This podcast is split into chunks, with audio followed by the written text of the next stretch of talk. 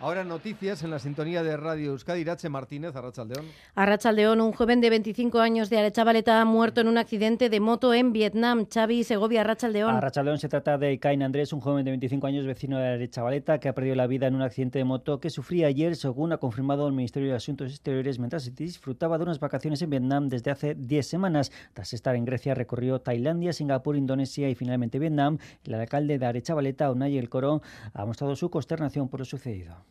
Eh, estas noticias eh, cuando son noticias siempre son trágicas y más aún si cabe eh, cuando se trata de un joven. por nuestra parte, pues las condolencias a la familia y a los allegados. El Ministerio de Asuntos Exteriores trabaja para repatriar el cadáver cuanto antes, al igual que el Ayuntamiento se ponen a disposición de la familia. En Donostia, acto de Euskal Herria Batera para pedir la celebración de una berrieguna unitario. Nerea Picabea, Arrachaldeón. Arrachaldeón, todos los acontecimientos de estos últimos años no han roto la cadena de la que somos el último eslabón y desde la plataforma Euskal Herria Batera recuerdan que es momento de dar continuidad a esa cadena de manera conjunta, dejando a un lado lo que nos divide. Esticho Garay, portavoz.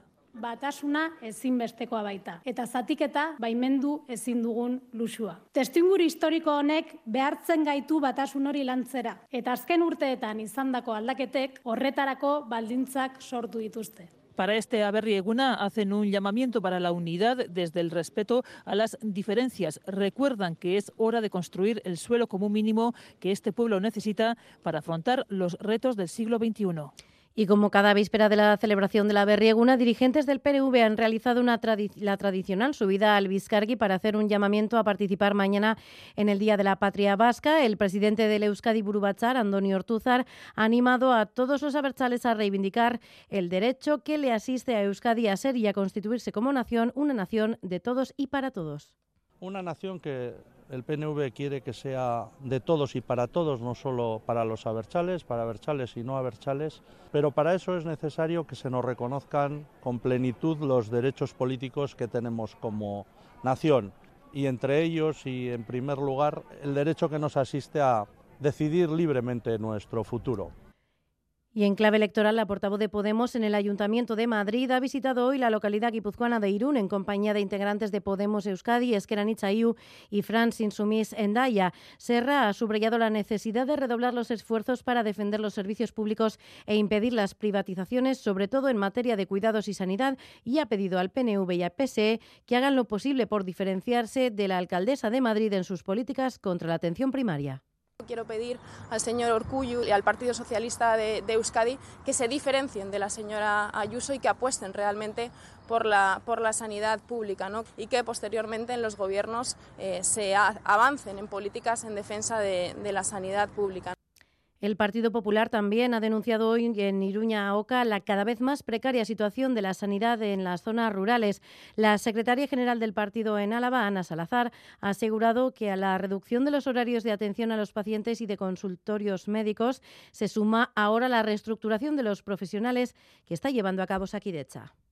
Lo que están haciendo es que los médicos roten desde todos los consultorios, por lo tanto no van a tener esa cercanía con su paciente. Te tocará un médico, tu médico, igual una vez al mes o cada dos meses. Y eso es lo que no puede ser. Y además, desde Osaquidecha, desde el PNV, lo están haciendo a espaldas de los profesionales.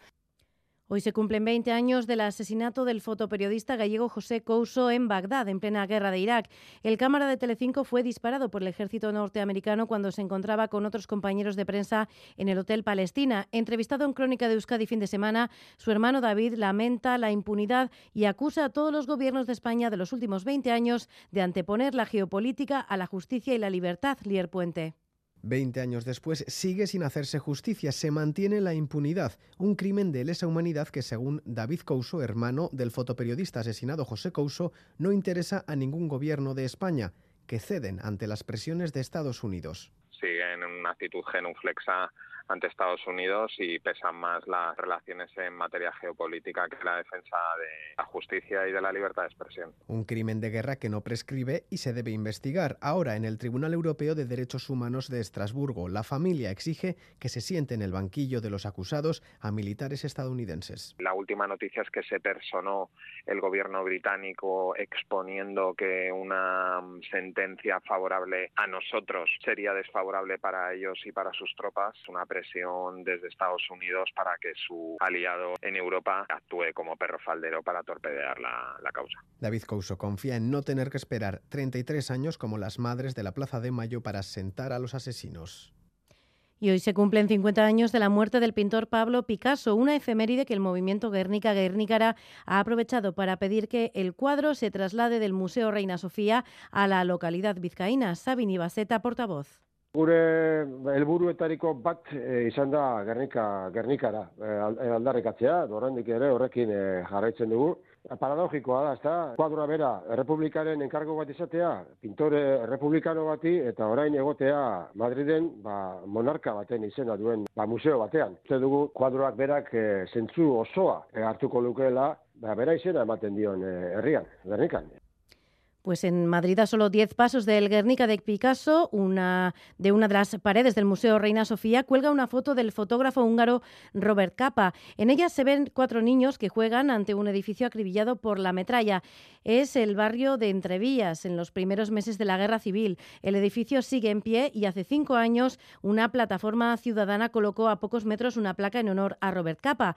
La placa ha sido robada esta semana y ahora piden al ayuntamiento que la reponga y la haga oficial Nerea Sarriegui. El número 10 de la calle Peironcelli, en el barrio de Entrevías, en Vallecas, sigue siendo un icono del horror de la resistencia obrera. Hasta 2010 no se hizo público que aquel edificio fue el escenario en el 36 de una de las fotografías más emblemáticas de Robert Capa. En 2017 se crea la plataforma Salva Peironcelli 10 para proteger el edificio y cuenta con el apoyo, entre otras, de Kernika Gogoratus. A pocos metros colocan una placa en honor a Robert Capa y esta semana la placa ha desaparecido, la han robado. Ahora piden al ayuntamiento que la ponga. José María Uría es portavoz de la plataforma lo que hemos es solicitado al, al, Ayuntamiento de Madrid que reponga esa placa, puesto que lleva seis años de manera no oficial y en todo el barrio y ya en todo Madrid se conoce como la Plaza del Fotógrafo Robert Capa. A una sola parada de allí, cogiendo el tren de cercanías, llegamos al Museo Reina Sofía y dentro, muy cerca del Guernica, cuelga la fotografía de Capa qué paradójico resulta que mimemos y cuidemos esa fotografía en el principal museo internacional de nuestro país, mientras se mira con cierta displicencia el lugar de referencia donde ocurrió aquel horror. La iniciativa busca dignificar esta parte de Madrid frecuentemente olvidada. El ayuntamiento nunca ha registrado oficialmente la placa, pero cualquier visitante puede encontrarla, porque Google Maps sí lo reconoce como Plaza de Robert Capa. Y en Iparralde hoy es el tercer día de Shingara Soka, la feria del jamón de Bayona, y al ser sábado suele ser el día más multitudinario, pero tendrá que acabar antes de lo normal. El Tribunal Administrativo de Po ha confirmado la decisión del ayuntamiento de cerrar los bares una hora antes de lo habitual. Aitor Sagarzazu. No estaba claro lo que iba a pasar. El ayuntamiento había anunciado el decreto para ordenar el cierre de bares a la una de la mañana en vez de las dos. Los hosteleros de Bayona Chipía, enfadados, pusieron un recurso de urgencia en los tribunales pues ahora el Tribunal Administrativo de Po da la razón al equipo municipal. Este fin de semana de Pascua, los lugares de venta de bebida tendrán que cerrar a la una. Los hosteleros se quejan. Escuchamos a Sebastián Aguer, dueño del bar Zamai. Batetan edo bietan, gurentzat, ordu bat da egunean, uh, lau ordu egiten du. Nik terraza badut egun oso lanean naiz. Na lagunek uh, gauezko tabernaren zat, ekitzen bali maduzire ordu bat, zaila hasten da izatea El ayuntamiento justifica la medida por motivos de seguridad, teniendo en cuenta la situación social en el Estado, no hay suficientes policías para mantener el control de la fiesta, ya que más de 200.000 personas vienen estos días a la capital labortana. Aún así, los hosteleros advierten que seguirán firmes.